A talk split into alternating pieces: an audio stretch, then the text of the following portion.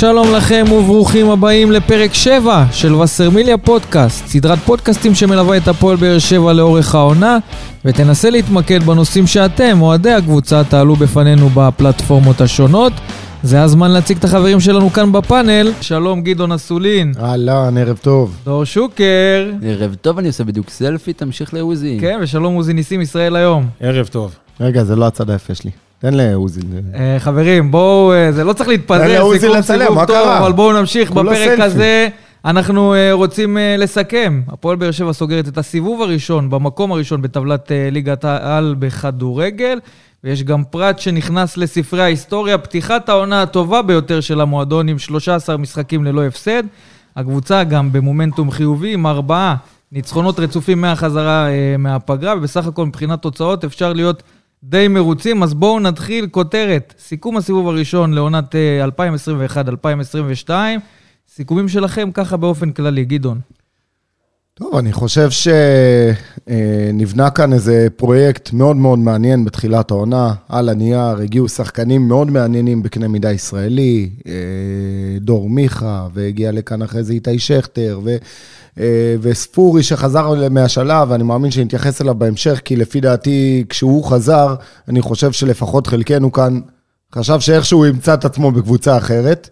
אתה יודע, זה היה כזה כמו השחקנים כאלה, כמו קייס גאנם כזה, שהם חוזרים ויוצאים איכשהו למחנה אימונים, ובסופו של דבר חוזרים בגלל עצמם. החוזה. כן, חוזרים בגלל החוזה, ויש לנו לא מעט דוגמאות כאלה ומדי שנה, אז אני חושב שלפחות חלקנו, למרות שעוד פעם, הייתה לו עונה מעולה, אבל בגלל הצפיפות שראינו אה, בסופו של דבר במרכז השדה, אז אה, חשבתי שהוא לא יהיה חלק מהתמונה, בטוח לא חלק אינטגרלי ועיקרי ודומיננטי כמו שהוא באמת הפך להיות.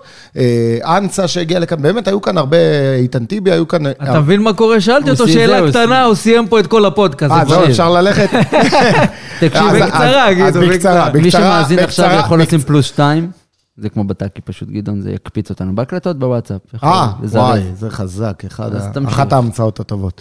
אה, בכל מקרה, אה, נבנה כאן פרויקט מעניין, לא ידענו שזה באפס זמן אה, יתפוס תאוצה, ובאמת אה, הפועל באר שבע ככה תתפוס את המקום הראשון בליגה, ואחלה סיבוב מבחינתי. עוזי? אני מסכים עם הדברים שאמר גדעון. הפתעה באמת, אה, אף אחד לא ציפה שבאר שבע תהיה במקום הראשון בסוף הסיבוב עם נתונים כאלה.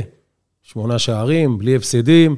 שאפו לרוני, שאפו לאלונה, בנו פה משהו שיצטרך לתת הרבה יותר, ויהיה מאבק לא קשה בסיבוב השני, כי תמיד הסיבוב השני... מאבק קשה. יהיה מאבק קשה בסיבוב השני, כי תמיד הסיבוב השני הוא יותר מעניין, אנחנו לקראת הפלייאוף, ואתה יודע, יש חיזוקים בינואר, שחקנים באים, שחקנים הולכים, יצטרכו לעשות אה, הרבה חושבים את מי להביא, ובעיקר לק- לקלוע בול בשחקנים. שוקר? 14 שחקנים חדשים שהגיעו, זה לא מובן מאליו, ובאמת אנחנו מגיעים למצב שאנחנו בעונה הזאת באמת מפיקים את המיטב, אבל המיטב עדיין לא מספיק, אה, אנחנו פה תוכנית אוהדים בסופו של דבר, לא נטו שמסתכלים על מספרים. זה לא מרצה אותנו מבחינת כדורגל, זה לא משהו שאפשר להסתיר אותו, שאנחנו רוצים להסתיר אותו, אבל התוצאות טובות. בסופו של דבר, התוצאה, בסופו של דבר בטבלה, אנחנו במקום הראשון, אלופי החורף לצורך העניין. נקווה שזה ימשיך ככה. דיברנו עם אמיר נוסבאום. נקווה שחיזוק או שניים באמת בינואר אה, יעשו כאן את השינוי. כן, דיברנו עם אמיר נוסבאום, והוא אמר שבסופו של דבר על בשרו הוא חווה את הדברים, ומניסיונו, התוצאות, זה מה שקובע מבחינת אה, הצלחה או חוסר הצלחה של מאמן, ופחות אה, יכולת, אבל אנחנו רוצים לראות גם יכולת, ויש מה לשפר מבחינת היכולת של הפועל באר שבע. אנחנו תמיד פה, וזה בסדר, זה השנים שאנחנו זוכרים והכי טריות, האליפויות האחרונות שלנו, אנחנו תמיד עושים את ההשוואה, וקשה לי להבין אם העונה הזאת שלנו מזכירה לי את העונה עם אלישע לוי לפני האליפויות, או העונה הראשונה שלנו שלקחנו אליפות, אבל לא הרשמנו כמו באליפות השנייה. פה אני חייב להגיד משהו. זה דור אחר. הדור של האליפויות זה שחקנים בקנה מידה אחרים, שחקנים אחרים בכלל, אי אפשר להשוות ואסור גם זה להשוות. לא, סגל לא. שנבנה לאורך שנים. הוא דיבר על העונה שקדמה לאליפות, בדיוק. על התשתית אני מדבר שלך. על ההרגשה, על בניית צודק. התשתית, על שחקנים חדשים, על חיבור שלאט לאט קורה, שאין עדיין כדורגל גדול, אבל כן משיגים אופי ותוצאות. זה עושים- כן מזכיר לי, ואני לא יודע אם זה מזכיר לי עונת אליפות או עונת קדם אליפות. אני אבל חושב- אנחנו עושים פה עוול שאנחנו משווים נכון. בכלל לעונות של אליפויות. אנחנו גם פוגעים באותם שחקנים שהביאו אליפויות, וגם מסתכלים על, ה, על החבר'ה שיש פה היום. הם חבר'ה די מנוסים, די מגובשים, ואני זוכר שבאחד הראיונות של בן ביטון האחרונות, שהוא היה פה עדיין, הוא אמר, חבר'ה, זה דור שלא יחזור, והוא צודק. עכשיו זה נבנה פה דור חדש, צריך לתת לו את השנה, כמו שאמרת, או שזה השנה השלישית של אלישע, ואני מקווה, או שזה השנה הראשונה זה של יותר בכר. התחושה של הבנייה מאשר תח- בפן המקצועי. וזה מה שהאוהדים צריכים להבין. אי אפשר לעשות השוואות למה שהיה. זה משהו חדש, אחר, ונקווה שיהיה גם יותר טוב. שורה תחתונה עם האוכל בתיאבון. אז בואו ניכנס קצת לעומק, כמו ששוקר פה אמר והתחיל לנתח. אם יש דברים שבהפועל באר שבע צריכים לשפר, אז אחד מהדברים זה שני שליש מהשערים של הפועל באר שבע שהם אה, בסיבוב הראשון נכבשו ממצבים נייחים. 14 שערים מתוך 21 מנייחים. השאלה האם זה יספיק לסיבוב השני. למה? כי- מה, זה לא חלק מכדורגל? ברור מצבים שזה חלק נייחים? מכדורגל, אבל אתה צריך גם שערי שדה לשלב צריך אותם, גם, ולא- ולא עושה ראינו הרבה אתה בסיבוב עושה- הזה אתה מהפועל עושה באר שבע. אותם, וזה בסדר גמור, יש לך מצבים נייחים, וזה חוזקה אצלך, תנצל. מעולה. היום אני, אתה, כולנו הרי יודעים שבכר וכל הצוות שלו עובדים על כל מיני מצבים נייחים למיניהם, וזה לא תמיד הולך להם. ופה זה הולך, אז זה בסדר. אתה יודע, זה, זה, זה הורג אותי הקטע הזה שאנחנו מתחילים אה, להוריד, להפחית מ- מ- מ- מההישג, בסדר? זה עוד לא הישג, אבל עדיין זה סוג של הישג ל- לסיים אה, ב- במצב כזה את הסיבוב. אז אנחנו אומרים בהתחלה, רגע, כל השערים הם מצבים נייחים. דבר שני, הכדור זה משעמם. משהו- אתה אומר- דבר לא, שלישי, לא. מי שהבקיע זה לא שחקן אז בית. אין בעיה, דבר אין רביעי, בעיה זה... להמשיך לנצח רק ממצבים נייחים. אבל אתה מגיע למצב... זה לא יקרה, כי מאלך הדברים לא, אתה זהו, כן זה מגיע, משהו ואתה שכן כן צריך תוקף, לשפר וכן... אותו, כי אנחנו יודעים שהפועל באר שבע מגיעה ללא מעט לניצול, מצבים במשחקים האחרונים. לנצל את שאר המצבים, לא אני מסכים. איתך, אבל שלא יבוא על חשבון הגולים שאנחנו מפקיעים במצבים לא, נייחים, זה זה מה. שאני אומר. זה לא יבוא זה גם מה לחשבון, שאמרתי, אבל אתה צריך בסופו לשלב. של דבר לומדים אותך, מכירים אותך, גם את המשחק הטקטי, גם איך אתה פותח את המשחק, גם את המצבים הנייחים שלך בסופו של דבר. מתישהו התחמושת הזאת תאזול. אתה יודע, אומרים צריך אותו דבר על איתי שכטר, אתה והוא כבר להתחיל 20 לשחק שנה. סוחט פנדלים, מנסים ללמוד אותו. אבל אתה גם, לא- אז- אבל אתה לא בונה רק על איתי שכטר, לא, אני אומר, על בסופו של. דבר, זה שיש לך בועט כמו ספורי, ואחת אותו. לשני שערים, זה, והרמות חדות בקרנות, זה מעולה, ואתה עושה את זה, ותמשיך לעשות את זה. זה מצוין, מסכים בתוספת מסכים לשערים איתך שאני. מאוד אשמח לנצל יותר מצבים שמגיעים, ואנחנו מגיעים. זה זה אנחנו שוכחים, יפה, אנחנו אז על מגיעים. זה צריך לעבוד, זה לא שהכל טוב, הכל יפה, הכל ורוד, אדון גינו. כל עוד. הרשת אני לא זזה... אמרתי שהכל ורוד, אני אמרתי שאנחנו הרבה מעבר למה שציפינו שנהיה, ו... וצריך להסתכל על הדברים בפ- בפרופורציה הנכונה. אנחנו אה, קבוצה עם הגנה מאוד מאוד חזקה, אי ספיגה, אה, וזה כמו שדור אמר מקודם, עוד לפני ינואר, שאני מאמין שיהיה כאן עוד איזה חיזוק או שניים, ועוד לפני שמיכה נכנס לתמונה. עוד נושא שהפועל באר שבע תצטרך לשפר, לפי דעתי, אולי תסכימו, אולי לא, כמות הדקות הטובות במשחק, בדרך כלל זה מתחלק למחצית ראשונה טובה, מחצית שנייה פחות טובה, אבל uh, מגיעים גם משחקים כמו מול נוף הגליל, שהפרק זמן של הכדורגל הפחות טוב הוא קצת יותר ממחצית. וזה משהו שהפועל באר שבע תצטרך לעבוד עליו, רוני לוי יצטרך לעבוד על זה שהקבוצה תהיה יותר מאיימת. למה אנחנו בעצם מקשרים את זה כאן? ותשאיר פחות אה, אוויר ליריבה. למה? למה אנחנו בעצם מקשרים את זה כאן? מה הסיבה, הוא שואל? אני אגיד לכם, מה זה, לדעתי. זה- זה כושר, זה מנטלי? לא, לא, לא. זהו, אני לפי חושב- דעתי שלא, אני זה לא לדעתי כושר. זה לא כושר, יש כאן- יש כאן באמת משהו מנטלי לדעתי. לדעתי זה בעיה, מנ- אולי, עוד פעם, אני, זו דעתי, אולי יש פה בעיה מנטלית, שאתה רואה דקה 60, 65, מסתכלים על לוח תוצאות, טוב, המשחק כבר גמור מבחינתנו, בואו נוריד הילוך. אבל זה לא צריך להיות ככה, אולי צריך להביא מאמן מנטלי, שקצת ייתן להם את החיזוקים במקומות הדרושים, כמו שהיה בתקופתו של איתן עזריה. נכון. צריך לחשוב על זה. יכול להיות. כי, כי עוד פעם, בסופו של דבר, אני, אנחנו לא עיוורים וזה חוזר על עצמו. זו, זו נקודה חשובה, נכון, שעוזי אני מסכים כי- איתכם, חבר'ה, כי מה- למה זה היה חשוב אז והיום לא? אה, זה שאין מאמן מנטלי? אני אה, מקווה שיש צריך ואנחנו להפנות לא את השאלות מכירים אותו. האלה להנהלה, כי... אין. כי באמת איתן עזריה אני, היה אני לו... מרגיש שבזמנו, שוב, זה עניינים אחרים, זה כספים אחרים, זה תקציבים, זה, זה ניצחונות של הקבוצה, אתם יודעים, תארים, היינו במקום מסוים. אבל כאילו, היה שם מנגנון שעבד, ואנחנו נכון, יודעים מה עובד, נכון. ואנחנו לא משחזרים את הד... כאילו יש לנו את המתכון ואנחנו משתמשים במתכון אחר. ואני לא מדבר על אופי השחקנים, כמו שאמרת, אי אפשר להשוות בין תקופות וזה לעשות להם עוול, ואני לגמרי שם. לפחות בפן הפיזיולוגי, אבל החזירו את לוקאס בורטניק, ולדעתי הוא חשוב עושה. עבודה אז זהו, אז מצוינת. אני חושב, אתה יודע, אם אני מסתכל על זה, אני חושב. אני חושב שאחרי אה, שלוש עונות הצלחה, התחלנו להיכנס למעין איזה סחרור ברמה של המועדון, ברמה של אה, הפועל באר שבע בכללי. התחלנו להיכנס לאיזה סחרור, וקצת אה, היה שם איזו ירידה, ופתאום ברק בכר אה, פוטר, או התפטר, או לא משנה איך תקרא לזה. התפוטר. ו- ופתאום אחרי זה מפרק. היה כאן איזה... ו- ופתאום אלונה חוזרת עם אנרגיות חדשות, ופתאום יש כאן איזה תהליך בנייה מחדש. אה, יכול להיות שזה איזה משהו שהיא כן תיקח בחשבון, כי בסך הכל, כמו שאמרת, וכמו שעוזי אמר, אני חושב שלאיתן עזריה בזמנו, זה לא משנה אם זה איתן עזריה או כל אה, בעל מקצוע אחר שהוא מוכח. תשמע, אה, בכר לקח- היה- בכר נכון? לקח איתו את כל הצוות אז- לחיפה, הוא הוא יודע מה הוא עושה, וזה נכון, מוכיח את עצמו נכון, שוב. נכון, וזה לא אותם נכון. שחקנים כמו בבאר שבע, נכון? אז בסופו כנראה שיש גם מכנה שינוי משותף. קטן, שינוי קטן שיעשה הרבה. יש פה נכון. מכנה משותף של הצלחה. בוודאי. מסכים איתך. בוודאי. מסכים איתך. אז בכל זאת נקודות אתה לשימור. רואה, אנחנו כן מסכימים לפעמים. זה כיף לנו. נקודות לשימור בסיבוב הזה של הפועל באר שבע, חוליית הגנה מצוינת. נקודות אולי לשימור, יש הרבה נקודות אספריה מגן ימני, אולי צריך לקבל יותר קרדיט מבחינה התקפית. המערך שבו הפועל באר שבע משחקת לאחרונה והשינוי הזה שעשה רוני לוי, איפה אתם שמים את היד על מה שהפועל באר שבע צריכה הוא לשמר? מביא את התוצאות, המערך הזה, אבל הוא לא מנצל את ה... תסתכל על נקודות לשימור, על האווירה שיש בקבוצה, על הגיבוש שיש בקבוצה, למרות ששחקנים לא תמיד משחקים, הם מרגיש שהם... מקטרים. אה, בדיוק, לא, אתה לא רואה פרצופים רגע, אתה יותר רוצה מדי, אתה לא לשיפור רואה או כאן... לשימור? לא, לא, הוא. דיבר על שימור, אז אני אומר, יש הרבה נקודות לשימור ברגע שאתה במצב כזה, לשיפור כמובן שיש. עוד פעם, דיברנו, אז ניצול מצבים, אה, מחץ יותר, אה, לא להיעלם לדקות ארוכות, יש עם מה לשפר, זה ברור. אנחנו לא... לא, לא טומנים את הראש בחול, מה שנקרא. נכון, מסכים עם גדעון. יש פה דברים שצריך אה, לשמור עליהם, כמו על ההגנה, מספר אחד בליגה. יש לך ארבעה בלמים, אתה משתמש עם שלוש, יש לך שני מגינים תוקפים שהשיטה עשתה להם רק טוב מאז שחזרנו נכון. מהפגרה, זה אספריה ולופז. אתה רואה אותם עולים, יורדים, נותנים מעצמם הכל, ושאפו לרוני שמצא את השיטה בזמן הנכון. נכון, יודע, זה ודיברנו על זה זה שהמערך הזה. מגלה המון יתרונות של שחקנים, דיברנו על זה נכון. כבר בכמה פרקים של הפודקאסט, שבסופו של דבר יש שחקנים שפורחים דווקא במערך הזה, לעומת זאת יש את אנסה נגיד, שפחות מתאים לו המערך, אבל זה גם... וזה גם לא הוא מערך הגנתי כמו גדול. שכולם חושבים. לא, כן. לא, ממש לא. זה לא ממש הגנתי, כי ממש שומעים חמש, אז אומרים, מה, לא, לא, לא, סוגר?" הקבוצה, עומדת יותר גבוה, קו ההגנה של הפועל באר שבע מתקרב כבר לאזור ח- הפוך, חצי כשאני יודע המגרש. שאספריה בהגנה, אני יודע כמה זה לא הגנתי. אבל אתה רואה גם את לא הפעולות. שהוא עושה, שהוא יורד ולוקח הוא יורד, כדורים, הוא עושה גליצ'ים, והוא נלחם, והוא נותן- אני לא מתלונן על ובדקה מה שהוא הראשונה מנסה מול נוף ועושה. הגליל הוא לקח שער. קודם כל, נכון. אנחנו צריכים להבין שיש לא מערך. יש מערך סלש שיטה. וסגנון, מש... שעובדת. ויש סגנון משחק. אתה יכול לשחק גם 4-4-2 עם סגנון הגנתי, אתה יכול לשחק אה, 4-5-1 לצורך העניין, אבל עם, סיפור, עם אה, סגנון אה, סופר התקפי.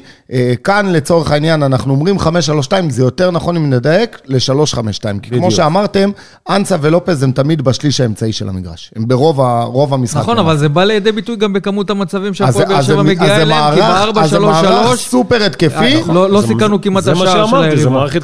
שמעתי גם מקודם איזה רעיון עם, עם, אה, פרימו, עם אה, פרימו, ודווקא הוא צודק בקטע הזה, אה, כי זה מערך אומנם סופר התקפי, אבל עדיין זה רוני לוי מאחורי הקווים, ורוני לוי יש לו את הדרישות שלו, ורוני לוי דורש לא מעט משחקני התקפה ומשחקני הקישור לחזור ולסגור, ולפעמים זה גם בא על חשבון הברק והיופי של המשחק. משמעת טקטית, זה, זה כבר משהו שאנחנו... אבל בסופו של דבר זה מביא את השלוש נקודות שאתה צריך אותן. נכון? זה מה שהולך למכולת בסוף. נכון, השאלה, יש פה שאלה שגם גדעון, אתה שאלת וגם אוהדים שואלים באופן כללי, זה האם מה שראינו עד עכשיו יספיק להפועל באר שבע כדי לשמור על המקום הראשון. אני לא אוהב להסתכל על השוואות, אה, מה עושה מכבי חיפה, איך, איך היא נראית, אבל לא מעט אוהדים דיברו איתי, אמרו לי, אתה חייב לראות את הכדורגל של מכבי חיפה, תראה מה זה, זה בכלל לא דומה למה שהפועל באר שבע מציגה, אבל אתמול ראיתי משחק של מכבי חיפה מול בית"ר ירושלים. בוא נגיד מלבד 25-30 דקות במחצית הראשונה, ראיתי דברים די דומים, אחר כך הם נרגעו, וביתר הייתה גם קרובה לתת להם את ה-2-2. זאת אומרת, מכבי חיפה זה לא איזה החיבור- אתגר שבלתי אפשרי לעמוד מכבי מולו. חיפה- החיבור של השחקנים בחיפה זה החיבור? משהו אחר לחלוטין, והם משחקים כדורגל יפה ובריא, ו- והכל שער אתה רואה בצבע ולא ממצבים נייחים בהכרח.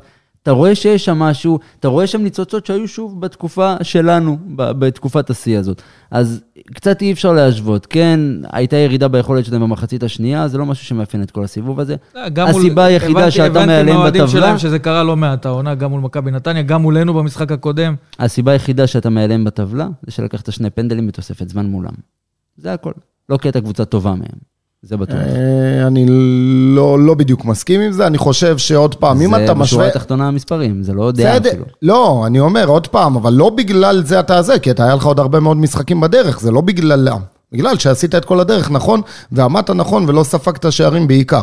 עכשיו, אה, אם אתה משווה למכבי חיפה, אז מכבי חיפה יש בה חלק התקפי, אה, איכויות יותר טובות לדעתי אה, בחלק ההתקפי, מרכז השדה גם טוב. אה, אבל הגנתית, אני פחות חושב ש... לא שהם פחות טובים, אני חושב פחות שהם... אה, איכותיים. חושב שהם אפילו מקום אה, רביעי-חמישי בליגה. עד כדי כך, לפי דעתי. והפועל באר שבע בפער, בפער, בפער הרבה יותר טובה הגנתית. עכשיו, שאלת שאלה, אמנם מצחיקה, אבל מעניינת, כי, כי זה המצ'אפ בגדול. מה מביא בסוף אליפות? הגנה הגנה או התקפה? התקפה? אם אתה שואל אותי בצורה יבשה, אני חושב שהגנה הרבה יותר חשוב מהתקפה. זה, זו הדעה שלי, כי זה לא שהפועל באר שבע היא הגנתית, ואז מגיעים לאמצע וחושך. היא עדיין מגיעה למצבים, עדיין מבקיעה שערים, עדיין מכניסה אבל- ממוצע של שניים, שלושה שערים כמעט כל משחק. אה, זה אומר שיש לנו את זה שם, ויש לנו גם מקום לשפר, ואנחנו יודעים שצריכים להשתפר. אה, שוב, ולא יש סת- כאן... לא סתם שאלתי את זה, כי... יש כאן תחרות אה, מעניינת, בחצי השני של העונה, כמו שעוזי אמר בתחילת השידור, מתחיל להיות הרבה יותר מעניין, יש לחץ, הם, נוש, הם נושפים להם, לנו בעורף, ואל נשכח שהם עדיין הפייבוריטים, והלחץ הוא יותר עליהם מאשר אבל עלינו. כמו שאתה אומר נכון. שהם הקבוצה הרביעית או החמישית בטבעה בהגנה, הם ספגו רק 11 שערים בסיבוב הזה, זה הקבוצה השנייה אחריך. כי לא מצליחים. לתקוף אותם. בסדר, אבל הם עדיין לומדים בזה, והתקפית, כמו שאמרת, הם טובים יותר ומביאים מספרים יותר טובים. שוב, עוד פעם, רוב הקבוצות לא מצליחות לעמוד מולם, מול ההתקפה שלהם. הפועל באר שבע לצורך העניין, ו- ושוב, אנחנו חוזרים. לנושא הזה, כן הצלחנו לעמוד מולם, עובדתית. גם, אגב, גם בגביע הטוטו, בגמר גביע הטוטו, גם הצלחנו לעמוד מולם. הגנתית, יש לנו וזה היום עוד במערך ארבעה... הקודם, אני חושב שהיום היום- ההגנה שלנו הרבה יותר נכון, טובה. אני חושב נכון? שהיום, בדיוק, התיאום הזה של השלושה בלמים, פנטסטי, ב- ב- באמת במינימום זמן, יצרנו כאן תיאום אה, מטורף, נוצר כאן תיאום מטורף. אה, יש לך כאן ארבעה בלמים בסדר גודל של אה, באמת, נבחרת, נבחרת נבחרת. ישראל. אה, קח בחשבון שגם, חלילה, לא יודע, משהו לא מסתדר, עדיין יש לך אלטרנטיבות שהן לא פחות טובות, כמו קלטינס, או וכמו בריירו. בר- בריירו, בדיוק. זה אומר שמבחינת אה, הגנה ושוערים, אנחנו ממש במקום טוב. אבל אתה זוכר שבשבוע וזה סוג של נחמה מבחינתי, סוג של שעבר- אה, הרגעה. זה טוב. בשבוע שעבר דיברנו על זה שאולי עדיף לא להסתכל על מכבי חיפה, אני עדיין חושב שזה לא בריא לנו להסתכל על נכון. מכבי חיפה ולהתרכז נטו בעצמנו, אבל אה, המון ביקורות של אוהדים דיברו על, על מה שהיה שם אה, בחיפה, אז היה צריך ל- להסתכל גם על הכיוון תראה, הזה. בסוף, בסוף אבל התקשורת, בסוף- התקשורת הארצית בדיוק. מושכת לשיח הזה, נכון. והשיח הזה הוא לא בריא. והתקשורת השיח- הארצית הולכת עם מכבי חיפה. כן, אבל השיח הזה הוא גם לא בריא לנו, כי בסוף האוהדים שלנו מצפים שניראה כמוהם, ו- ויש כאן איזה לחץ שלפי דעתי הוא לא בריא. בוא נכון. נפחית את הלחץ הזה, איתך. הקבוצה מנצחת, הקבוצה מקום ראשון, עם הזמן גם יבוא היופי. וטוב שבמועדון יודעים לעשות את ההפרדה, יש לשחקנים את השקט, אתה רואה אותם לא נלחצים. גם כשמכבי חיפה עברה אותך, שהיית מול הפועל חיפה, ידעת לעבור ולנצח את הפועל חיפה, ולחזור למקום הטבעי שלך עד, עד כה. יאללה, אז בואו נסכם את, סיבוב, את הסיבוב הראשון בליגת העל בכל מיני קטגוריות אה, שונות. מצטיין הסיבוב, אין לנו פה תקציב לטיזר עד ששוקר יעשה משהו עם, ה... עם העבודה הזאת, אבל אפשר לאלתר. גדעון, תן לנו מצטיין הסיבוב. שוב, עוד פעם, המצטיינים זה, זה או בררו, מבחינתי זה או בררו, ספורי או ויטור. אה, אם אני צריך לבחור אחד מהם, אז אה, זה בררו, מהסיבה שלדעתי הוא משחק, אה, השלים פער אדיר בקישור האחורי של, ה, של הקבוצה. תפקיד שלפי דעתי זה לא התפקיד הטבעי שלו, אני חושב שהוא צריך לשחק ליד הקשר האחורי, אה, והוא עושה עבודה מדהימה. מעבר לזה שהוא הביא תכונות אופי שאני לא ראיתי אותן בעבר אצלו, תכונות של פתאום של מנהיגות, תכונות של תשוקה, תכונות ש... אתה יודע, הוא מביא 200 אחוז כל משחק, ולכן אני הולך עם בררו. עוזי? מצטיין הסיבוב שלי זה ספורי, ואני פשוט מסתכל על החצי שנה שה- לפני שאתה נותן לנו את ספורי, רק נחזק את uh, גדעון מבחינת מספרים. 12 משחקים למריאנו בררו, 59 תיקולים מוצלחים, הכי הרבה בליגה, והוא גם מוביל uh, במאבקים uh, מוצלחים בליגה עם 114 כאלה. כמו שאמרת, קפיצת מדרגה, לא ציפו לראות מבררו את מה שראינו העונה, אולי שוקר ידבר על זה בהמשך. אז עכשיו עכשיו תן, עוזי. תן את המספרים של אה, ספורי, ואני אגיד. הספורי כבש שישה שערים, הוסיף ארבעה בישולים, מעורב אה, בכמעט אה, מחצית מהשערים שהקבוצה כבשה, מאוד דומיננטי בחלק ההתקפי, ומוביל אה, מבחינת אה, סטטיסטיקה גם במסירות מפתח, בעצם היחיד שמצליח לפתוח את המשחק ההתקפי של הפועל באר שבע. אז כשספורי חזר בתחילת העונה, הרימו גבה, אמרו, אנחנו זוכרים את החצי עונה שלו, שהיא לא הייתה טובה. אבל פה קיבלנו ספורי אחר. ספורי משופר. איך הוא אמר? עשיתי שינוי בראש. נכון. קיבלנו שחקן אחר, בוגר. ב-180 מעלות, ושאפו. ואתה רואה שגם מחליפים אותו לפעמים בדקה 60-70, הוא לא מוריד את הראש, הוא יורד ועולה אחרי זה משחק כאילו הכל חדש, שאפו. ככה אנחנו צריכים לראות את השחקנים שלנו בכל העונה. ואני גם מסכים איתך, כי אני חושב שהתרומה שלו, דיברנו על ביור ובאמת לא ציפינו לראות, והוא באמת השתלט על ההרכב ובנקר בהרכב של רוני לוי, והראה גם יציבות לאורך, ה, לאורך העונה, אבל הייתי בוחר בספורי. דווקא בזכות התרומה שלו, שהיא מאוד משמעותית להפועל באר שבע, התרומה ההתקפית, אנחנו מדברים על כמעט מחצית מהשערים שהקבוצה נכון. כבשה, וגם התרומה שלו מבחינת מצבים נייחים. הפועל באר שבע, גם רוב הניצחונות שלה בסיבוב הזה זה הפרש של שער או שניים, והמספרים שלו עשו את ההבדל בסופו של דבר גם בצבירת הנקודות של הפועל באר שבע, בגלל זה הייתי הולך עם אה, רמזי ספורי במקרה הזה. שוקר שלך? וכל שאר בונבוניירה. אה, אמרתם מספיק על מה, מי ומו, אה, אבל אני כן אשנה קצת את הטייטלים והשמות של השחקנים. הוא אכן מצטיין מבחינתי לצורך העניין במשחקים שלו, אבל הוא יותר הפתעה בשבילי וזה רמזי ספורי. לא ציפינו לקבל את השחקן הזה ככה מאשדוד. אני מצטער אם אני אפגע בשחקן אחר בהשוואה הזאת, אבל אני ציפיתי לקבל את רועי גורדנה שוב. קיבלנו אותו רק פעם אחת, ציפיתי לקבל אותו פעמיים. אני מבסוט מההגעה של ספורי, זה מבחינתי ההפתעה. אה, מצטיין, מבחינתי זה ויטור עם יציבות של שנים ארוכות איתנו, מי ייתן ואלונה תחתים אותו עוד שנה ועוד שנתיים, ומכאן גם לצוות המקצועי. אכזבה. ולהיות ב- אה, רגע, מאמן- אה, איך הוא רץ כבר עם כל רגע, הקטגוריות, מה, אתה רגע, מבין? כן, אני רץ עם רגע, קטגוריות. בואנה, אנחנו התבלבלנו פה. את לא בן. הוא רץ כבר, הוא לא השאיר לנו כלום, אתם באתם מה זה, היום היית רק יכול לראות לקחת סלוקה של. המנחה בשנייה. מה זה, חבל על לא, הזמן. זה אני- מדהים מה שקרה לא פה הרגע. סיימתי פה, אני עוד לא סיימתי. אחרי הפודקאסט הזה, יש לי בן גם בודה. התפוטר.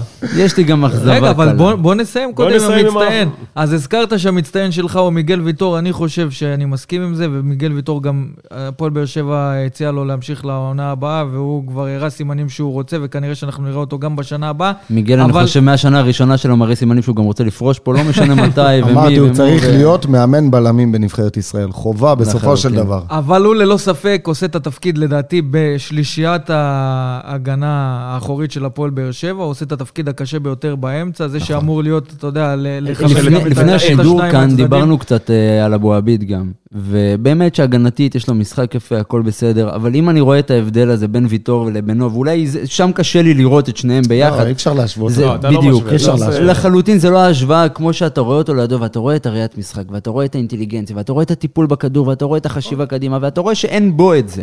ואתה אומר, זה- הלוואי והיה לי עוד ויטור אחד. אז אין, אין כמו ויטור, אין, אין, אתם אין צריכים להבין שבאמת, אני אומר לך, באמת ובתמים, ולדעתי... הוא רמה בפני עצמו, הוא רמה בפני עצמו. אבל אם חבר'ה, נגענו כבר בשלישייה חבר'ה, בוא, הזאת- בוא נגיד עד כדי כך שזה הבלם הכי טוב ששיחק ב- ב- בכדורגל הישראלי. בי פאר. אני מסכים. ובוא נצרף לזה, לא, לא, יש לי את האכזבה גם והכל, אני אדבר עוד מעט על האכזבה שלי. רגע, אבל מילה- מילה לטיבי, אם כבר הזכרנו בדיוק, אני. באתי לעלות לפני האכזבה שלנו, אני ממשיך שנייה בחילוט ההגנה. טיבי, חזר אלינו, חזק יותר, טוב יותר, גם מראה את הניצוצות האלה, את החוכמה, דוחף את הכדור קדימה, רץ, נותן כדורי עומק, מנסה, זה לא נטו הגנה, וזה מה שמאוד חשוב. לא רק הגנה טובה, שהיא גם דוחפת קדימה, זה כדורגל שאנחנו אוהבים לראות. נכון, וההגנה עומדת גבוה, וההצלחה של הפועל באר שבע, דיברנו על זה שבסיבוב הראשון זה ללא ספק החוליה המצטיינת של הפועל באר שבע, זאת חוליית ההגנה, נותנת הרבה אה, שקט לקבוצה להתקדם קדימה, וראינו שגם במשחקים האחרונים העמידה שלהם הרבה יותר גבוהה, שזה גם תורם מבחינה התקפית וגם אה, מקלקל את התוכניות של הקבוצות היריבות. זה גם טיבי, גם אה, אבו עביד וגם מיגל ויטור, תיאום מושלם הם יצרו פה. שמפה אתה קצת לוקח אותי לאכזבה, שאתה, אז להגיד את האכזבה? רגע, הוא לא בחר באכזבה. אפילו. לא אני- רוצה ספורי, להבין מה קורה פה. אתה בוחר בספורי. כן, אוקיי. אמרתי, הוספתי על מה שזה, עשיתי all in על הדברים של... אתה מוכן אה, לתת לו. כבר את האכזבה, הבן אדם על רגע, אני לא. מבין, כל אחד עבר פה טייטל טייטל אתם מחכים? לא, מצטיין, מצטיין, אנחנו מצטיין. כן, כולם עברו. כן. לא, נשמות, זה יש לי רש- הקונספט. יש לי רשימה, זה הקונספט שלי. זה חוקי אז הפורמט. ככה. אתה קח לו את. הטלפון, לא יודע מה לעשות. אז אני התאכזבתי ממך. רציתי להתחיל בזה. לא, באמת, הנקודה פה יותר... אכזבה, יאללה, רוץ על האכזבה. אז הנקודה פה הייתה יותר חתם, ורציתי לקשר את זה באמת לטיבי, כי אם אנחנו רואים את טיבי משתלב הרבה יותר טוב לאחרונה, אני מתחיל לתהות לעצמי איפה אנחנו רואים את חתם משתלב. וזה מה שרציתי לשמוע מכם. אני חושב שחתם התחיל ב... מבחינת גישה, נטו גישה, כי כדורגל תמיד היה לו ותמיד יהיה לו. אה, נטו גישה לא בריאה, לא יודע, אולי זה בגלל העזיבה של טאה והעזיבה של קאבה, ואיפשהו ציפייה שלו מעצמו להיות במקום אחר, או מהסגל שנבנה כאן. אה, מהר מאוד, מהר מאוד, אה, יאמר לזכותו, הוא התעשת על עצמו, ומהר מאוד הוא התחיל לחזור אה, ולתת את ה-100% במגרש. ו- ו- ולתת את הכדורגל שאנחנו מכירים ומעבר לזה. ואל תשכחו שעד- אני חושב שהוא התעשת את עצמו, התחיל בצורה לא בריאה, ודי... אה, אבל עד הפציעה הוא היה בסדר. עד הפציעה שעכשיו יש לו, הוא היה- בסדר גמור. זה מה שאני אומר, הוא כן, התעשת והוא נתן. מעצמו. כן, קורה, שחקן נפצע, לוקח לו זמן לחזור, וזה מראה שיש אגב, חוזק גם במשחק בהגנה. האחרון הוא נכנס כקשר אחורי, כן. שכל הזמן אנחנו אה, באיזה דעה שהוא לא אוהב, כן אוהב, זה היה לו בתחילת העונה נתן מגן אחלה שמאלי, משחק, עכשיו ו- קשר אחורי, בוא נגיד הוא הרבה שיחק העונה לא בעמדה שהוא אוהב, ואז בלם. ואז נפצע, ואז חזר עכשיו לקישור. חתם מאז ומתמיד, תמיד, אגב, הוא התחיל כחלוץ בכלל, אה, חתם, הוא שיחק נראה לי בכל והוא גם לא, הוא לא הוא היה שיחק- רע, כקשר הוא יכול לדעתי להשתלב ברור, גם עם זה אל- העונה. אלטרנטיבה. אלטרנטיבה טובה למצבים שבררו לא זה, או יחד איתו. חתם נותן לנו פה הרבה ביטחון, אבל עדיין חזר אלינו מסלטיק, ציפיתי לקבל קצת יותר ערך מוסף שלא ראיתי אותו. אני לא אגיד שאני רואה שחקן רע על המגרש, אבל אם נסתכל מבחינת אכזבה, זה אכזבה. גדעון, אכזבה שלך? וואו, אכזבה שלי. אה, תוציא את זה עליי. אה, טוב, תחשוב, בוא נגיד שיש לך. כן, לפחות כן, אני שלושה אחשוב ארבעה שחקנים. אני אחשוב- אני לבחור. אחשוב בינתיים. תן לו. שיחשוב. אז האכזבה שלי זה מיכה. מיכה הגיע בכל תרועה רמה, כולם חשבו, אבל צריך לסייג את זה, הוא לא משחק הרבה. הוא גם לא עשה הכנה טובה, הוא לא עשה הכנה בכלל כמעט. שיש לך את ספורי על הראש שם. בדיוק. אז צריך אולי לתת לו את הסיבוב השני. גם עבר פציעה שהשביתה אותו נכון. לתקופה לא אז אה, קצרה. בואו נסייג את זה עם כוכבית, ונקווה שנקבל אותו ואת המספרים שלו, כי המספרים שלו יהיו חשובים מאוד בסיבוב השני. אז זהו, אני לא יודע אם זה כוכבית, כי דיברת על זה, הוא הגיע לכאן עם המון ציפיות, ואני חושב השחקן היחיד שהחתימה שלו ההחתמה התארכה... הכי גדולה. לא, התארכה גם ל- לכמה חודשים, טוב, אתה יודע, כבר של- מה עם מיכה וכאלה. אה, אני חושב שזה גם מוסיף. למשקולות על נכון, הכתפיים, נכון, ועל שהוא רצה. שאתה גם. לרצות אני- את לא, האנשים. אני גם חושב שאתה רואה מה קורה עם אצילי בחיפה, ואתה אומר, למה אין לי את זה פה? יש, יש כל מיני משתנים כן, שאתה... כן, יש כמה דברים ש... שזה משפיע נכון, על השחקן. אני אבל- בטוח שמשפיעים. אבל אבל הוא עדיין ממנו- רחוק, זהו, הוא- הוא רחוק מהיכולת הטובה שאנחנו נכון. יודעים שדור מיכה יכול לתת אבל בליגה עדיין הזאת. ראינו בתחילת העונה ניצוצות, ראינו מהלכים יפים שהזכירו את דור מיכה. בואו ניתן לו קרדיט. תודה. כן, מה- אבל דיברת על זה שהוא לא משחק הרבה, שותף ב-11 משחקים, אפס שערים, אפס בישולים. שותף זה, לא- אתה לא יודע, 20 תרומה- דקות לא פה, תרומה 20 גדולה דקות היקפית. לא את זה תמיד זה נשאל. את האיש שעומד על הקווים. אגב. מה שמעודד אותי, מעודד אותי בקטע של מיכה, כי כמו שאמרתי על חתם, מיכה לא, לא שכח לשחק כדורגל, ומיכה מבחינת uh, כדורגל, אולי בין הטובים שיש בארץ, uh, מבחינת uh, כדורגל וכדורים חכמים וטכניקה, uh, באמת אחד השחקנים הטובים ש... שיצאו כאן uh, בשנים האחרונות. Uh, ומה שמעודד אותי, שאני מרגיש שהוא חלק מהקבוצה. בדרך כלל שחקן שהוא לא נכנס לעניינים, אתה מרגיש שהוא כבוי, אתה מרגיש שהוא... אתם רואים שהוא חלק מהקבוצה, כן, חלק זה נכון, חברתית, זה נכון. מגובש, מחוייך, מקבל בהבנת החילופים, וזה מה מקבל- שיכול לתת לך את האופטימיות אז לזה זה מה שהוא שאני יכול אומר, לעשות את ועוד הוא הסוויץ' הזה. יתפוצץ, אנחנו עוד לא קיבלנו את מיכה, עוד הוא ייכנס לעניינים. לפי דעתי, ככה אני רואה את הדברים, וזה סוג של איזה נקודת אור. וכשמיכה. ייתן את היכולת שאנחנו מכירים שהוא יודע לתת, אני חושב נכון, שזה זה יהיה. חיזוק של הפועל באר שבע.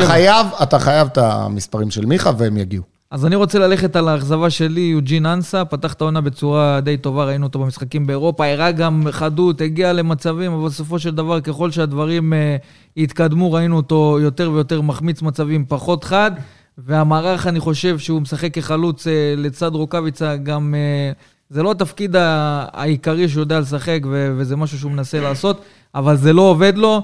בסופו של דבר הוא מסיים את הסיבוב הזה עם שער אחד ושני בישולים, כשלדעתי הוא היה יכול לסיים בכיף עם חמישה-שישה שערים, אם בדיוק, הוא היה מנצל לפחות נכון.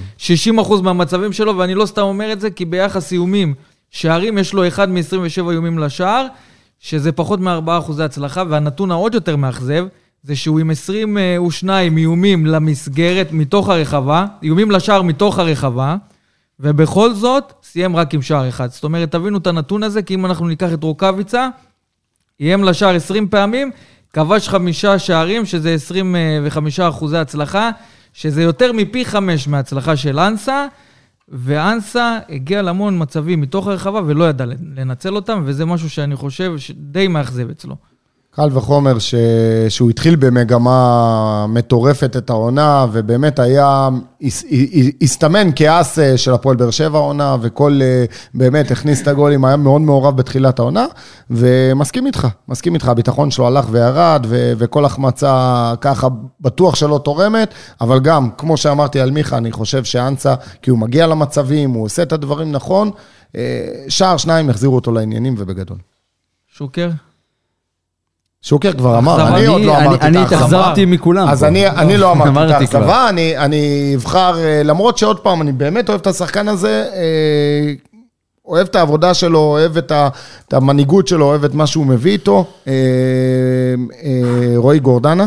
אכזבה? כן. הוא לא, הוא לא נכנס לעניינים. ציפית ליותר? כן, ציפיתי ליותר, כי באשדוד הוא היה אה, הוביל שם, וגם בקדנציה הקודמת שלו בהפועל באר שבע, שהוא עזב, אני כן ראיתי דברים טובים, כן אה, דברים שהוא מביא ועושה, עוד פעם, זה שחקן של עבודה שחורה, זה מה שאנחנו צריכים אה, להבין לגבי רועי גורדנה, זה לא שחקן שאתה תראה ממנו יותר מדי דברים אה, מעניינים, זה יותר סגירות, יותר תיקולים נכונים, ואני כן חושב שהוא היה צריך להיכנס, הוא קיבל את ההזדמנויות, לא לקח אותם בשתי ידיים. שוב, נקווה שיהיה אורך, אה, אורך רוח אה, ו- והרבה. סבלנות כלפיו. אה, ויאמר לזכותו. שהוא אמר באחד הרעיונות האחרונים, שהוא יודע שהוא לא כינור ראשון.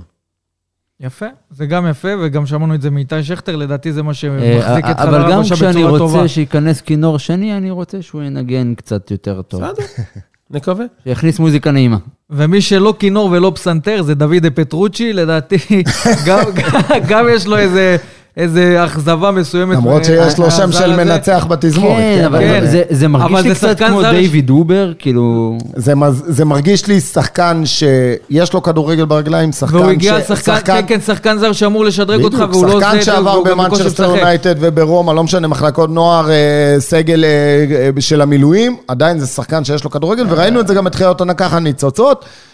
אה, תעלומה מבחינתי. מאז לא- הוא הקמא, אני לא מתייחס לא השתלב, לרזומה. לא השתלב. אבל עוד פעם, צריך לשים דגש על דבר אה, פשוט הכי ברור שבעולם. קצת סבלנות. דיברנו בתחילת העונה על... אה, אספריה. על אספריה, ותראה מה קיבלנו היום.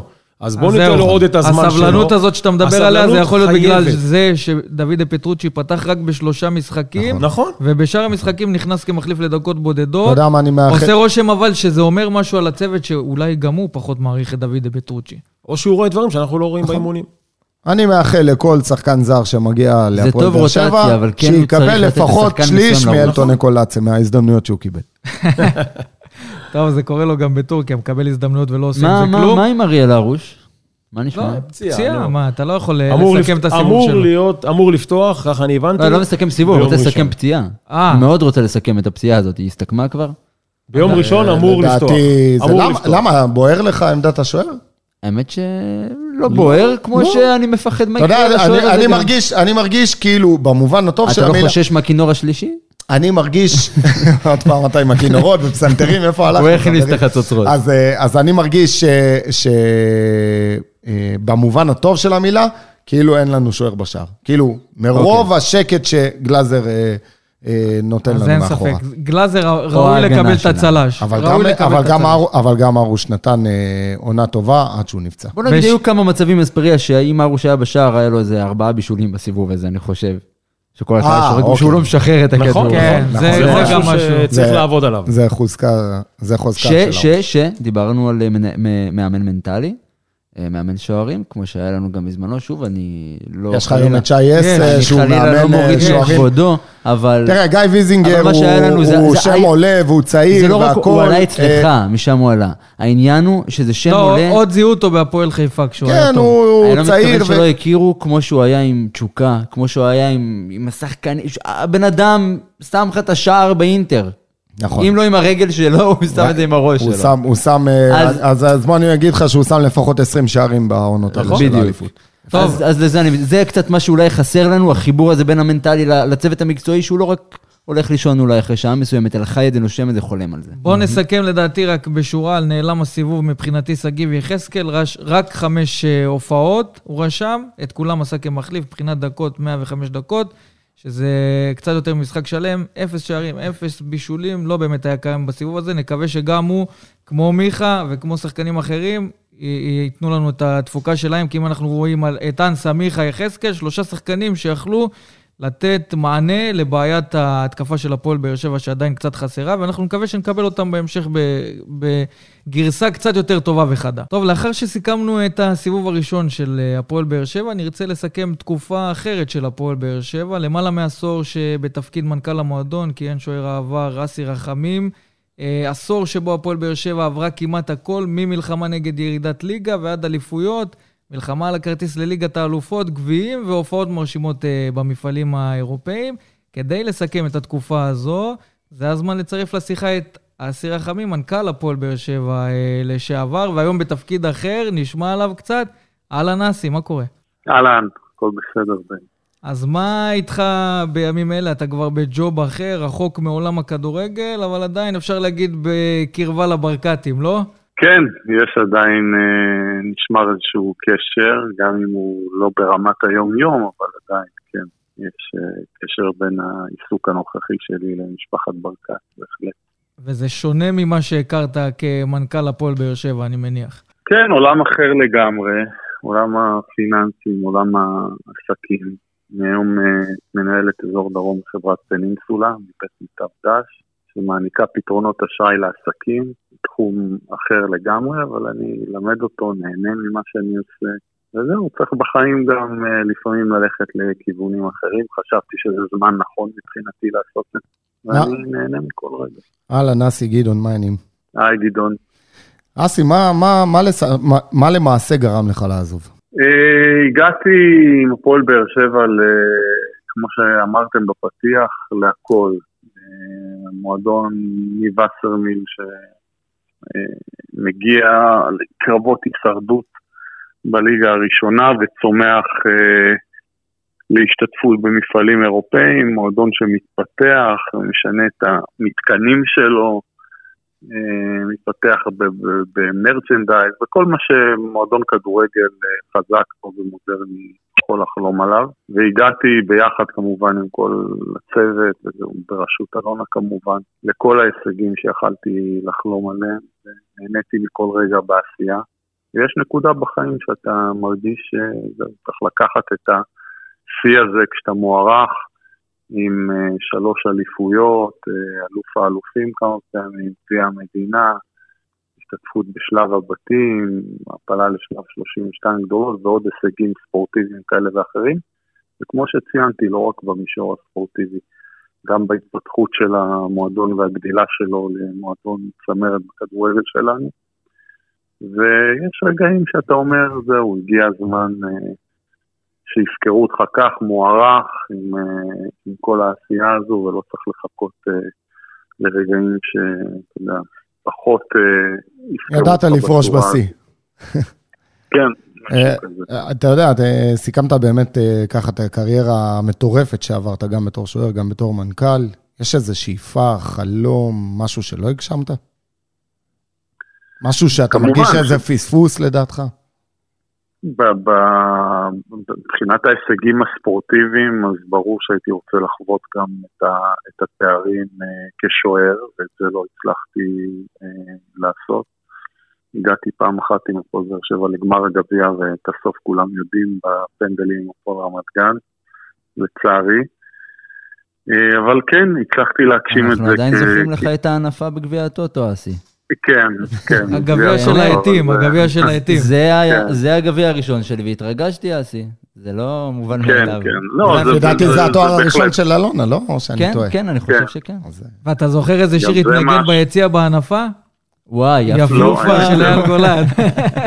עם יניב וואו, איזה זיכרון. אבל זה היה מרגש. זה היה מרגש. כן, אני יודע להעריך כל, באמת שכל דבר וכל צפייה וגם את זה.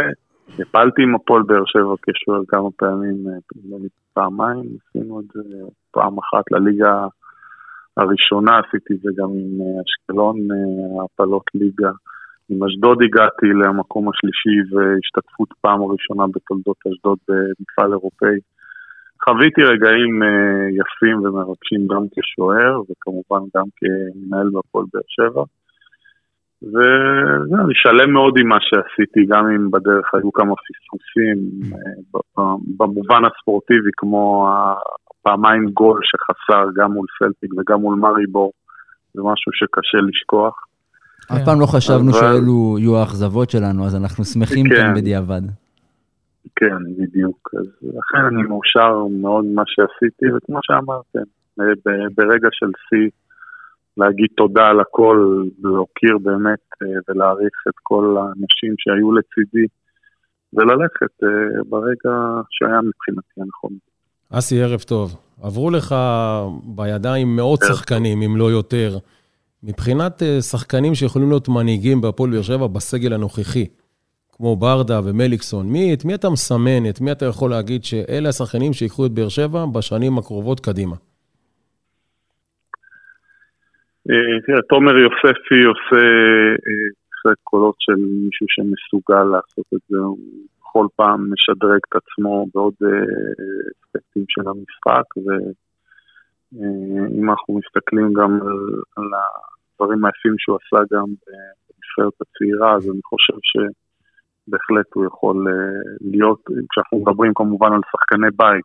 כן, כן. כמובן שיש את מיגל ויש אחרים, אבל נראה לי שבולט מאוד מבחינת יכולות גם של מנהיגות וגם של מה שנקרא חוצפה חיובית, אז תומר עושה את הקולות של מי שיכול בהחלט להוביל את הפועל באר שבע בשנים הבאות. אסי, שאלה באמת קצת יותר בנושא אלונה וזה שהיא עזבה בעבר והיא חזרה, ואני קצת חושב קדימה, ונראה לי אתה הבן אדם הכי מתאים לשאול אותו ולהבין באמת מה קורה מבפנים, ובאמת בפן החיובי ולהבין לאן פנינו מועדות בעתיד. אתה היית כאן כשאלונה עזבה, רתמת את כולם, הצלת את המועדון, אפשר לומר, ברגעים הכי קשים שלו. מה קורה עוד חמש שנים, עוד עשר שנים? מה אלונה משאירה אחריה? זה תלוי מאוד איך העונה הזאת תיגמר, כי מבחינת אירופה היה פספוס גדול והזדמנות גדולה מאוד השנה אה, להישאר שם במעמדים האלה גם בשנים הבאות. הפועל באר שבע, אם הייתה מעפילה לשלב הבתים, אז היא יכלה למצב את עצמה שוב כמדורגת גם בשנים הבאות, כי הנקודות של עונת 16-17 נדמה לי... אבל, אבל אסי, סליחה שאני קוטע אותך, אבל גם אם נהיה מדורגים ואלונה עוזבת ביום בהיר, מרגיש לי כאילו שנה שאחר כך, כאילו תהום. זו ההרגשה שלי. השאלה שלי יותר... לא, מבחינת, מבחינת אלונה אין ספק שהיא נכס גדול למועדון, והעזיבה שלה תהיה רעידת אדמה. פה אה. בדיוק כמו שעזיבת אה, מיץ' גולדה או ינקלה, מכבי תל אביב ומכבי חיפה, יהיו אבדות מאוד מאוד גדולות. אבל כן אתה מרגיש שבמכבי תל אביב או מכבי חיפה, אם נלך לעניין המחלקת נוער, אתה רואה שיש שם... כאילו הסוגיה הזאת לא עולה בכלל על הפרק, אתה אומר. יעקב שחר אף פעם לא שאלו אם הוא עוזב, ואלונה זה מרגיש שכאילו... בוא נשאל את זה, בוא נשאל את זה אחרת, את אסי, כי אני מכיר את מה ש... אני מכיר פחות או יותר את מה שאסי חווה פה בתקופה שאלונה ברקת אה, החליטה לעזוב, והביאה את אה, יצחק יונגר כנאמן, וגם דיברנו עם יונגר. והוא אמר שאחת מהסיבות לכך שהפועל באר שבע הצליחה להישאר עם הראש מעל המים, זה אסי רחמים עם הגישה שלו לשחקנים, ועצם זה שהם קיצצו בשביל אסי רחמים. ו... אבל כאן השאלה, אנחנו, יש לנו אצטדיון חדש, יש לנו קהל מדהים, יש לנו אליפויות, העשרנו את ארון התארים שלנו. אבל בשורה התחתונה, אם מחר אלונה לא פה, זהות, קשה לי להשוות את זה. שחקנים עם זהות, זה מה שאתה שואל. קשה לי להשוות את זה למכבי חיפה ומכבי תל אביב, שיש שם קצת יותר, בוא נקרא לזה אולי עתיד, אולי זה בגלל המחלקת נוער, קצת יותר בריא. זאת ההרגשה שלי. אה, כן ולא, כי תראה, בסך הכל אני חושב שאם נסתכל אה, גם מבחינת אה, דמויות מאוד מאוד משמעותיות בהפועל באר שבע, מאור מליקסון במחלקת הנוער היום, ואליניב ברדה, יש איזשהו בסיס שאפשר להישען עליו, אנשים מאוד מאוד חשובים למערכת, שאני חושב שגם אני לא רואה את זה קורה, כי אלונה אה, הודיעה ואמרה בפיה שהיא חזרה כדי להישאר ולהמשיך להציל את הפועל באר שבע להישגים גם בשנים הבאות, לכן אני לא רואה את זה קורה, לפחות לא בתקופה הקרובה. למרות שאתם יודעים, הכל יכול להיות, אבל אני... זה נראה גם שהיא חזרה עם אה, תיאבון אה, מחודש, מה שנקרא. כן, וזה חשוב מאוד, וזו נקודת מפתח. גם אם המועדונים שהזכרת נראים כיציבים יותר, עזיבה של בעלים דומיננטיים וחשובים כל כך לכדורגל שלנו, כמו אלונה או ינקלה או מיץ', אה, יהוו בכל מקרה רעידת אדמה למועדונים האלה, וזה לא משנה מי יבוא במקומם, כי ראיתם, לא פשוט למצוא אה, אנשים שהם גם בעלי יכולות אה, כספיות וגם דמויות ראויות, ש... יודעות לסחוף אחריהם אה, קהל שלם ועיר שלמה. ספק שאנחנו זכינו מכל הכיוונים, רק החשש הוא מהיום למחרת, מרגיש קצת שחור ולבן. בוא נקווה שהוא לא יגיע. אבל לפחות, כן, לפחות צריך מבחינת... לחשוב חיובי, ואני נכון. אני באמת אה, חושב שאלונה כאן כדי להישאר ולהמשיך להציג את אז המועדון. לפחות מבחינת דמויות שאסי מדבר עליהן שיכולים לסחוף, אני חושב שאת אסי, אנחנו מכירים שנים וגם אתם מכירים, היה לי ביטחון כשהוא נמצא ב- נכון. במועדון, וגם ברגעים הפחות טובים של המועדון בתקופה של הקיצוצים, יותר גיליתי את אסי. אתה יודע מה זה יותר? נכון. כי אני זוכר שיחות שלו מול אוהדים, כשהכול שחור ולא רואים כלום באופק, הוא אומר להם, אני צריך אתכם איתנו, וזהו, לא אכפת לי מכלום. אנחנו נצליח אה, לכבות את השריפות של המועדון, ובסוף הוא הצליח ועוד יותר מזה. שיחה, אני, אולי אתם שומעים את זה פעם ראשונה, אולי אסי לא זוכר, אבל אה, שיחה עם נציגי עיריית באר שבע על, על אותו גג אה, שהתגלו בו הליקויים באיצטדיון טרנר, אנחנו יושבים בשיחת זום, ואסי צו- כאילו אומר את הדברים בגישה כזאת אה, קצת תקיפה. איפה המנופים? אני רוצה אה, לחזור כמה שיותר אה, מהר לשחק באיצטדיון טרנר עם הקבוצה, ואני רוצה שזה יקרה לפני שלב הבתים של הליגה האירופית, וזה במצב שהפועל באר שבע, חוסר ודאות מוחלט, לא יודעים איזה הרכב יהיה פה, אבל הוא האמין, ואני ראיתי את הזלזול של האנשים בעיניים שהיו שם באותה פגישה, ובסוף אסי צדק. אז אתה יודע, אסי תמיד הצטייר אה, גם בפני, בעיקר בפני העובדים במועדון והשחקנים, וגם אנחנו, וסרמיליה, כמה פעמים שניסינו לגשת אל מול המועדון, תמיד הוא הצטייר כדמות הוואית, וזה מה שהוא הקרין, וזה מה שהורגש. בגלל זה גם הפועל באר שבע, עם זה שהיא באמת מועדון מפואר, וכבר לא אותם ימים של וסרמיל, שאפשר ככה להיכנס למסדרונות ו- ולתת כיפים, אה, עדיין הרגיש כ- כ-. כמשפחה, כבית, כ- כמקום חם. אה, אני- ובכל זאת, אסי, איך, איך באמת האמנת ככה אז באותה תקופה, כשאתה יודע, היה פה, הכל נראה שחור, ו, ואנשים מסתכלים עליך עמומים, לא יודעים מה אתה מוציא מהפה. קודם כל, תודה על הדברים החמים שהשמעתם, באמת אני, אני מעריך ומרגש מאוד לשמוע ש, שזו התחושה שיצרתי, אבל באמת הדברים באו מהלב, הרגשתי באותה תקופה שאם אני לא גורם לכולם להאמין, כשהכול נראה שבור ומדברים, אתה יודע, במושגים של פירוק המועדון, דברים שבלתי נתפסים בעקבות ההישגים של השנים אה, האחרונות. אז ידעתי שאם אני, קודם כל האמנתי כמובן בעצמי, כי בלי, בלי שהייתי מאמין בזה 100%, לא יכלתי לסחוף את כולם, אבל באמת האמנתי שהמועדון מספיק חזק, דיברתם קודם על יציבות, ו- ואמרתי לכם באותה שיחה כשנפגשתי איתכם האוהדים, אה, שאם אתם אה, איתנו אנחנו נצליח אה, לנצח את הכל, ובאמת זה קרה. נכון. גם הצלחנו בתוכנית הקיצוץ, מה שהעמיד את המועדון על הרגליים, גם זכינו בתואר בגביע המדינה, וגם הגענו לשלב הבתים אה, בליגה האירופית, שזה באמת הישג בלתי נתפס אה, נוכח התקופה שעברנו. וזה עזר מאוד, זה עזר מאוד גם אה, השנה, אני בטוח, לאלונה כלכלית לפחות, לפתוח את העונה הזו בנקודה סבירה ולא בנקודה של שפל לפחות כלכלי, והיא באה עם כוחות מחודשים ואנרגיות טובות אה, כדי להציג את המועדון קדימה, ועד עכשיו זה מצליח. אסי, אני מנסה לה- להבין מה, מה עובר לך בראש אה, באותם אה, ימים, אה, שאתה יודע, גם פורצת אה, מגפה עולמית. אה, אתה יודע, כל אחד כאן חושש לביתו, ובכלל העתיד כאן אה, לא ברור מה, מה, מה קורה כאן מסביב. גם הקבוצה מתפרקת, גם ברק בכר עוזב, ואבוקסיס ממונה, אלונה לוקחת איזה, אתה פתאום מוצא את עצמך מדבר עם איזה מפרק שמעולם אני לא יודע אם דיברת איתו לפני. מה, מה עובר עליך? לא, זה, זו בדיוק אה, אחת הנקודות שגרמה לי אה, אה, בסופו של דבר לקבל את ההחלטה לסיים את התפקיד, כי דיברנו על הישגים ספורטיביים ועל שיאים ספורטיביים, אבל אה, באמת אתגר כזה עוד לא, עוד לא חוויתי, ובאמת זה חישל אותי מאוד, ונתן לי להבין שהצלחתי להשיג הכל לא רק אה, מבחינת הישגים ספורטיביים, אלא גם מבחינת האישיות שלי, מבחינת היכולת שלי לרתום אנשים סביבי, וכשדיברנו על אה, שיאים ולפרוש בשיא, אז זו בדיוק הכוונה, שבשנה הכי קשה, כי הרי זה יכל גם להיכשל. וכשאלונה כן, ביקשה חד משמעית, זה- כל, מאוד, כל החצים כיוונו לשם שזה ייכשל. כן, אז אה, כשאלונה ביקשה ממני אה, להישאר, אה, כשהיא קיבלה את ההחלטה, אז, ואמרה לי שחשוב מאוד שדווקא עכשיו אני אשאר ואקח את האחריות הזאת, באמת ההתלבטות הייתה גדולה. בסופו של דבר לקחתי את האתגר הזה, גם כמובן כי המועדון מאוד מאוד יקר לי וחשוב לי. אה, וגם האמנתי, חשבתי עם עצמי והאמנתי שבאמת אפשר לרתום את כולם לאמונה הזו. וזה עבד, זה יכול גם לא לעבוד, ויכול להיות שהייתי אה, נאלץ לעזוב בנסיבות אחרות, ולא מתוך אה, רצון ומתוך הכרה שהגעתי לאיזשהו שיא, אבל אני שמח שזה עבד, המועדון סך הכל הצליח, גם הגיע לאירופה, גם זכה בתואר וגם שיחק בשלב הבתים.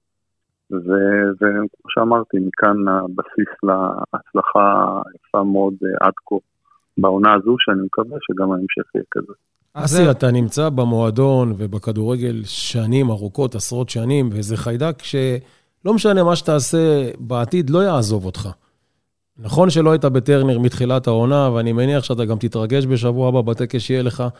האם אנחנו נראה את אסי בחזרה בתפקיד במועדון בעתיד? אני באמת לא יודע, כמו שאמרת, זה משהו שהוא זורם בדם, וגם אם זה רדום עכשיו, אני, אני עדיין מתקשה להגיע למשחקים בדיוק בגלל הסיבה הזאת, הסיבה הרגשית והאמוציות, כמי שניהל את כל האופרציה הזאת במשחק, והיה למעשה... אבל זה קיצוני, אסי, זה עוד... זה כן. כשוער, זה... ואז כמאמן שוערים, ואז כמנכ"ל, כן. זה לא שעכשיו אתה לא בא למשחקים של חמש שנים. מכאן הקושי, זה עשרות. כן, מכאן בדיוק הקושי שלי להגיע לפחות בשלב הזה, אתה יודע, אני, אני מדמיין את עצמי יושב ביציע וצופה מהצד וקצת קשה לי. Uh, בבית עם עצמי, כמובן צפיתי ברוב המשחקים, אולי משחק אחד שפספסתי בגלל איזשהו אירוע משפחתי. זה החייה בך באיזשהו מובן את הפרישה מכדורגל? לא, אני מאמין שאסי יחזור. לא, זה, לא, הכוונה אם זה החזיר אותך להרגשה שהרגשת שפרשת כשחקן? אה, כן, במידה מסוימת יש, יש משהו דומה. פרשתי שחקן ומיד אה, מוניתי למאמן השוערים, כך שנשארתי עדיין אה, על הדשא ובכלל בתוך הדינמיקה הזאת של מועדון כדורגל. עכשיו זה קצת שונה, בהיבט הזה שאני באמת לא, לא נמצא שם פיזית, מה שהיה מוזר מאוד בחודשים הראשונים. אבל כמו שאמרתי, אני, אני צופה הדוק, אני רואה, אני עוקב, חשוב לי מאוד שהקבוצה והמועדון יצליחו, ואני באמת מקווה שלסיבוב לא... הראשון המוצלח הזה תהיה המשכיות. זה לא מדגדג לך, אתה יודע, לחזור, אתה יודע, להיות חלק ממה שעובר לפועל באר שבע, אולי לא מבחינת uh, משהו במערכת, אבל כאוהד, כי אני יודע... זה היה אסי 100% במועדון, גם ב- כן. בימי שישי אנשים נפגשים איתך ואתה נותן פה מענה לכל אוהד, וכמה פעמים פספסת את החלות של חגית בשבת בגלל כן. ה... הוא בסך הכל רצה להוציא את הראש מהמים, לנשום קצת אוויר, חבר'ה, תנו לו. כן, אני, אני, יחזור. אני באמת, אני באמת נהנה, אני באמת נהנה כרגע מבחוץ, עברתי באמת תקופה אינטנסיבית ביותר בחיים שלי. באותם uh, כמעט 12 שנה תפקידי כמנכ"ל, מסביב לשעון, עם המון המון לחצים, עם המון, מי שלא בתוך זה לא יודע באמת מה זה. ולא היה לי ממש הרבה זמן לעצמי, למשפחה שלי, לחלומות שלי, ו... והיום אני נהנה מזווית אחרת אה. אתה, אתה יותר רגוע ביום-יום? אה, כן, אתה יודע, לרוגע הזה יש שני צדדים, כמו, ש, כמו שאמרנו קודם, יש, יש את הצד שחסר של כל האדרנלין הזה וכל המתחים האלה, שזה משהו שכולנו חיים ממנו, בטח מי שחי את הספורט המקצועני, ההישגי, והוא תמיד שואף להגיע, לנצח כל יום, וכזה הייתי. אז זה קצת אה, חסר, אבל מצד שני, כמו שאמרתי, אני גם נהנה מדברים שלא הצלחתי לעשות uh, בשנים האחרונות, וזה הרבה יותר זמן איכות עם עצמי, עם המשפחה שלי, את השבתות בבית. Uh, אז כן, לא התנתקתי לגמרי, אני עוד, עוד קצת בקשר עם uh, עובדים ועם uh, לפעמים גם הצוות uh, המקצועי, עם יניב כמובן, uh, וחי את המועדון קצת מזווית אחרת, רגועה יותר. כמובן מאזין לכם מדי פעם ושומע את הרכשים. אז עכשיו שאלה שהייתי שואל אותך עשרות פעמים בתקופה הזאת. את מי מביאים בינואר? זה כבר שאלות שיהיה לי קשה... קשה נשאר משהו מתקופתך. אבל אתה בקשר עם אליניב, בטח הוא התייעץ איתך, זרק לך מה אתה אומר. והוא לא יזרוק לך. לא, אנחנו מדברים מדי פעם, כן, מדברים מדי פעם, אבל אה, אני בטוח שבפועל באר שבע, בצוות המקצועי, ואליניב בטח יודעים הרבה יותר טוב ממני, הם חיים את הקבוצה יום-יום, ויודעים בדיוק מה חסר ואם חסר. לא תמיד כשמשהו עובד גם צריך, אה, אתה יודע, לתקן אותו, ואני בטוח שגם זה עובר אה, בראש אבל- למקבלי ההחלטות. עוזי, לא ככה מוציאים כותרת, היית צריך לשאול אותו בשביל הכותרת, את מי אתה היית מביא בינואר? יש הרבה כותרות ברעיון הזה. את ג'וסווה. אה, כן. אסי, אני, דיברת מקודם ככה ועשית איזה בריף אה, מרגש, אגב, אה, על הקריירה שלך בתור שוער. אני זוכר אותך באמת מה... מהדור שמבחינתי, באר שבעים, תמימים, תמיד היית שוער, אפילו היית חלק מהזמן אה, קפטן, אבל איפשהו לא היית אה, שחקן מוחצן מדי, וביום מן הימים, ביום אחד אגב, לא, לא תהליך כמו שרוב המנכ"לים היום אה, במשק אה, עוברים, לבשת חליפה, נהיית מנכ"ל, אתה יודע, כאילו באופן טבעי, באפס מאמץ, כמו שאומר השיר. ממש לא באפס מאמץ, מי שמכיר את אסי יודע לא, שעושה עבודת אבל, שטח אבל מדהימה יודע, מאחורי כן, הקלעים. אבל זה, זה, זה בן רגע, הוא נהיה מנכ"ל. מנכ"ל. מכובד, בנונשלנטיות. אני חושב שזה יותר לקח- נפל עליו, לקח כן? איתו אנשים אה, פשוטים כביכול, כמו אביתר אילוז, כמו פתאום, אה, אתה יודע, כל מיני זה, ונהיה כאן מערך ניהולי מדהים, מודל מדהים, מהצד זה נראה מדהים. ו- זה ו- הגדולה של אסי. השאלה באמת, מה סוד ההצלחה, אסי? מה- הסוד של אסי רחמים? הוא ידע לחבר את האנשים סביבו, ואני יכול להגיד לך, מה שאני מכיר, מה שאני יודע, אסי לא יכל להגיד לאף אחד לא, ואף אחד לא יכול להגיד לאסי לא. נכון. וזה אני- הגדולה כמו חושב שאומרים, שיחקו בשבילו. אני גם נכון. חושב שזה מראה לנו שזה בדיוק מה שאמרת כאן, במיוחד על אסי, שזה קודם כל אנשים. לפני עסקים כן. או ביזנס, או ללמוד דבר כזה או אחר, זה קודם כל להיות בן אדם, וזה מה שהוביל אותו לגרום לנו להצליח ולהשאיר את כל הבלגן הזה שהיה כאן מאחורינו, ולקבל את כל השריפות האלה. כי אם היה פה מישהו, מנכ"ל, כמו שאמרת, לא באפס מאמץ, זה לא היה נגמר כמו שזה אבל נגמר. תנו לבן אדם לענות, אתם אבל. פרשנתם, תנו לו אתה לענות. צודק, אסי, אנחנו איתך. אז מה הסוד לא, שלך, אסי רחמים? אני, אני באמת חושב שהסוד הוא היכולת שלי, ברוך השם, ניחנתי ביכולת הזאת אה, להתחבר ולתקשר טוב מאוד עם אנשים, וזה זה למעשה הסוד, אין לי אחר. כי הרי בטוח שיש מנהלים טובים ממני, ויש אנשים מוכשרים ממני, זה בכלל אין ספק. אבל אין אבל כמוך. רציתי אסי. ללמוד מהר, ללמוד, תודה, ללמוד מהר, מהר מאוד יצאתי לקורס מנכ"ל בכיר בספורט בווינגייט, נסעתי, אה, ביליתי כמה ימים עם ידידי הטוב אה, איתמר צ'יזיק בחיפה, למדתי את כל האופרציה של הפעלת משחקים באירופה, היה לי חשוב מאוד אה, לדעת את הכל, ובסוף כאן, שיתוף הפעולה המדהים שהיה עם אה, אלונה לאורך השנים, האמון שקיבלתי, הסמכויות שקיבלתי עם הזמן, אה, והחיבור לאנשים. החיבור לאנשים, אם יש משהו שאני אומר שחסר לי מאוד, מאוד מאוד, אתה יודע, בתוך העשייה הזאת והמתחים, זה דברים שפחות אה, אה, מדגדגים לי, כי, כי אתה יודע, לפעמים גם העיקו. כן. אבל החיבור לאנשים הטובים, ושישבתי איתכם לא פעם ולא פעמיים, הרגשתם את הדינמיקה הזאת בינינו. נכון, ביני ברור. לבינכם האוהדים, והחיבור הזה לאנשים, אה, לכל אוהד ואוהד, אה, ולשחקנים ברמת האמון שנוצר אה, בינינו. אה, כל הדברים האלה, לדעתי, היו סוד ההצלחה, ואני מודה על הזכות הזו שניתנה לי. אסי, לפני סיום, בוא נעבור ככה על הדברים שקרו לך במהלך הקריירה כמנכ"ל. תן לי את השחקן, את השחקן הכי גדול ששיחק תחתיך כמנכ"ל הפועל באר שבע.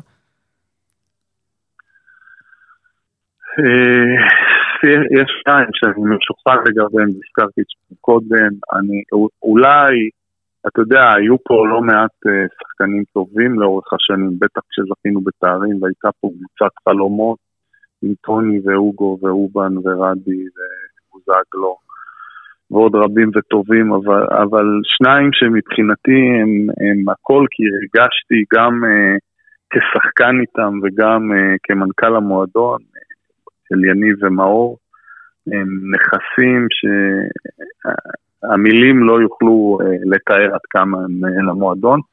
ואני חושב שההחלטה להחזיר אותם, ההחלטה של אלונה, וההשקעה בלהחזיר גם את מאור וגם את... אני, אה, אני פה אזקוף את זה לזכותנו, מליקסון זה השקעה שלנו. חשוב אין לציין. בעיה. אין בעיה.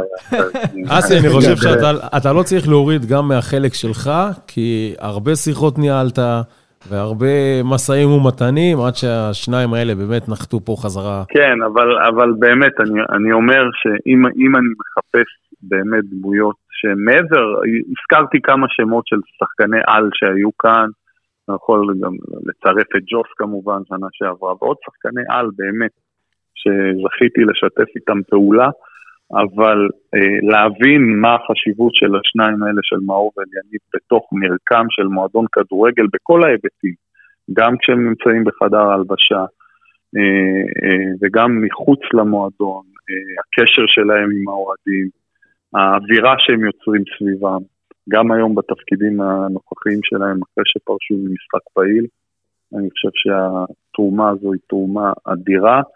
ואם המועדון הגיע להישגים, זה לא מעט אה, אז יש, יש- החלטה, יש החלטה שהיית משנה, אם אנחנו נחזור ככה לעבר כמנכ"ל הפועל באר שבע, משהו שעשיתם ובדיעבד אתה אומר אולי זה היה לא נכון לעשות? כן, להיפרד מאובן, בהחלט. אני, אני אחד האנשים שסברתי אה, שזה נכון, אה, בדיונים פנימיים שהיו לנו, שזה נכון להיפרד ממנו, כי אתה יודע, שאתה מחפש אחרי אליפויות אה, את, ה, את השינויים שאתה צריך לעשות כדי להמשיך ולצוף, כי מאוד מאוד קשה אחרי אליפות ועוד אליפות ועוד אליפות, והצלחות באירופה, אה, להישאר אותו דבר, יש איזשהו פיתוי שאומר לך כאן אם לא תשנה, אז אה, לא, ת- לא תוכל לשחרר את ההצלחות האלה, ו- ו- והפור נפל היום בדיעבד, אני יכול להגיד, כשאתה מבין מה זה נכסים אנושיים בחדר ההלבשה, גם ברמה הספורטיבית, גם, גם ברמת האישיות, הם דברים שאין להם מחיר. אם יש משהו שאני הייתי לוקח אחורה, זאת אותה החלטה. אני חושב שעד היום הוא יכל לשחק בהפועל באר שבע בלי בעיות, והפועל באר שבע הייתה נהנית ממנו, כי באמת באמת מדובר גם בשחקן וגם בדמות אה, יוצאת. תראה איזה גדולה גם של בן אדם להודות בטעות. כן, ומאז שהוא עזב את הפועל באר שבע... אה, הוא לוקח אליפויות שם. כן, ארבע אליפויות ברומניה, עם טוב, תזרע לו עוד מלח על הפצעים, אמרת, יאללה, טוב, תשחרר. לא, בסדר. אסי, אנחנו באמת דיברנו כאן גם ב- לפני שעלית לשידור על כל הנושא הזה, שמה שחווינו באמת באותן עולות, אה, עונות של אליפויות, אה, כמו אה, מאמן מנטלי, איתן עזריה ועוד אנשי צוות מקצועי שקצת נכנסו יותר לעומק. העונה, מאז האליפויות, אנחנו פחות רואים את זה בהפועל באר שבע, כן אנחנו רואים את זה מצליח במכבי חיפה. אתה רואה פה איזשהו מכנה משותף שלמה לא עושים את זה שוב? למה לא משקיעים בפן הזה? אה, לא, אין לי, אין לי כרגע, בסופו של דבר זו צריכה להיות החלטה של, אה, כמובן של מועדון ביחד עם הצוות המקצועי, כי בסוף מאמן מנטלי הוא חלק אה, צוות מקצועי, נכון אז זה עבד לנו. שמועדון, כן, זה עבד באיזשהו שלב, אתה יודע, הייתה תחושה שהמודל הזה מיצה את עצמו וכבר לא מצליח, לא תמיד זה נמדד רק בהישגים, נכון זאת הייתה עונה פחות טובה, עונה של אחרי שלוש אליפויות, והתקבלה ההחלטה הזו, יכול להיות, יכול להיות שזה זמן טוב לחשוב על זה שוב, ואין ספק שחלק בלתי נפרד היום מצוות מקצועי, מועדון כדורגל, זה פן כל כך חשוב, הפן המנטלי, וראוי וטוב שיהיה בלי קשר לתוצאות כאלה ואחרות, אלא כמשהו מובנה בתוך המועדון, שיכול מאוד לעזור גם בתקופות טובות וגם בתקופות אה, פחות השארת, השארת נעליים גדולות לגיא פרימור, אנחנו ככה פחות או יותר אה, מבינים מי הבחור. אתה זוכר שלפני עשר דקות אמרנו לך, אסי, שאלה לפני סיום. אין, כן. כבר אנחנו יותר יכולים בעיה, שעה וחצי. היית צריך לראות כאן את האצבעות, כל וחצי שנייה. מישהו מרים אצבע, כאילו אנחנו באיזה כיתה. זה גדול. זה רק מראה כמה כיף לדבר איתך. חד משמעית. בכיף, גם לי מאוד. עכשיו, אה, אל תשנו פה את הדיון על גיא פרימור. אסי, הבנתי שגם נתת לו המלצות מה לא לעשות כמוך. אה, כן, יצא לי לדבר עם גיא, בעיקר בהתחלה יותר, כשהוא נכנס לתפקיד, אין, אין ספק בכלל שהוא מנו, מינוי אה, מאוד מאוד ראוי, איש שמבין כדורגל, חי, חי את העולם הזה, אומנם מזווית אחרת לאורך השנים, אבל יודע דבר או שניים על, על, על כל האופרציה הזאת שנקראת אה, ניהול מועדון כדורגל, ואני חושב שהוא בהחלט אה, ראוי ביותר ועושה עבודה טובה. אני לא חי בתוך המועדון ואני לא יודע בדיוק, אבל ממה שאני שומע, ואני שמח מאוד ומאחל לו הצלחה. דיברנו גם על כמובן דברים שאני הייתי יכול לשנות אם הייתי יכול להחזיר את הגלגל אחורה, למרות שאני יודע שלא משנה מה אני אגיד לו. בסופו של דבר זה מאוד אישי, לכל אחד יש את המודל הניהולי שלו, את האני מאמין שלו, וגם אם uh, לפעמים אתה מאמין או לא מאמין במודל כזה או אחר, אתה נשאב לתוך העשייה, ולא משנה מה אסי יגיד, הח... החיים חזקים מהכל. טוב, אסי רחמים, מה אנחנו יכולים לאחל לך? שתגיע לליגת האלופות בפיננסולה? פנינסולה, פנינסולה. הוא עדיין שלוש אה, יחידות, לאט לאט אסי. חייב להגיד לך ש... חייב להגיד לך שהזמינו אותי למשחק ככה נגד EY זה היה, או לא זוכר נגד מי, בליגה הזאת, אתה יודע שיש בין כל הארגונים, כן. ואני חתיכת עגלה, רגל ולא הצלחתי, אה, לא הצלחתי לסיים אה, עשר דקות גם עם הברך שלי וגם עם האוויר שלי, אז אה, בוא נגיד שממני לא תצמח הישועה, לפחות לא על קרדש. הם לא שמו אותך בשער, זה הטעות שלהם. כן, כן, האמת שניסיתי לשחק, אה, לשחק אה, שחקן שדה, אבל אה, הראש רוצה משהו אחד והרגליים רוצות משהו אחר. ניסית לעשות סיבובים של מליקסון. כן, כן, לא, לא. בין מה שפינטזתי שיקרה לבין מה שקרה, משחק גדול מאוד. מה שכן, מאז שהוא עזב את תפקיד המנכ"לות, הפסיק עם הבורקסים, הוריד איזה 10 קילו לפחות, הוא... כן, יותר, 15 קילו. אה, יפה. הגעתי באמת, אה, כן, הגעתי באמת לרמת סטרס כזו, שאתה יודע, הייתי מגיע בלילות הביתה, ושעות לא שעות, בטיסות, ואירופה, ו- וכל הזמן אוכל לא סדיר, ומתחים. במשחקים, והיום אני הרבה יותר יכול להגיד את התזונה שלי. ו... אנחנו באמת מאחלים לך, שיהיה לך המון בהצלחה בדרכך, גם בדרך המקצועית, גם שסוף סוף תחיה כמו שצריך, ברוגע, בשלווה, עם האישה, עם הילדים, תאכל בריא. ושתחזור אלינו במהרה. תישן בריא ותחזור אלינו בריא. וכמו תמיד היה... היה כיף לדבר איתך, אסי, ואתה תמיד מוזמן, אתה יודע, שלא נצטרך לרדוף אחריך, כן? גם לי מאוד, מתי שתרצו, גם לי מאוד, תודה רבה. תודה, אסי. טוב, אז הייתה לנו תוכנית... אה, ענפה. מאוד עמוסה, גם הסיכום סיבוב הראשון, איך אתה אוהב את הענפה, אני רוצה לך. תכניס מילה מיוחדת, תעשה עוד פעם. טוב, הייתה לנו תוכנית... חסידה. תשמע, אנחנו באנרגיות טובות אחרי הסיבוב הראשון, סיכום אה, סיבוב אה, מוצלח של הפועל באר שבע, והיה מאוד מרגש גם לשמוע את אסי רחמים. חיכינו לרעיון הזה הרבה זמן, אבל באמת... הוא נפתח ודיבר מהלב, וזה אחד האנשים שעשו טוב להפועל באר שבע. ואני חושב שגם אה, האוהדים והמאזינים ייהנו לשמוע אותו. כי פה קיבלנו דברים שאחרים לא קיבלו ולא יקבלו. נכון מאוד. אתה יודע למה? כי עוזי ניסים בפאנל. רק בזכות עוזי הענפה. לא, לא, לא, כי זה אנחנו. עוזי הענפה ניסים. זה החיבור של אסי למקום. נכון. טוב, אז עד כאן הפרק השביעי של אה, וסרמיליה פודקאסט, הבנתם למה? אז תודה רבה לגדעון אסולין, תודה רבה לדור שוקר. הוא כבר יוריד את זה. תודה רבה, בן. ותודה רבה לעוזי ניסים. הענפה. תודה רבה, הענפה, ישראל היום, שלא יגיד לי, איפה, איפה, איפה, ישראל היום, עוזי ניסים. ונאחל לו עוד סיבוב כזה, חברים. אה, יאללה, שיהיה את האנרגיות האלה לאורך כל העונה, אנחנו רק רוצים לשמוח. שיהיה לנו סיבוב ענף במיוחד. ללא ספק. נשתמע בפרק הבא. שמונה. תשע. עכשיו אתה אומר סיימנו את פרק שבע? לא, יש לי שבע. בהתחלה אני שמעתי.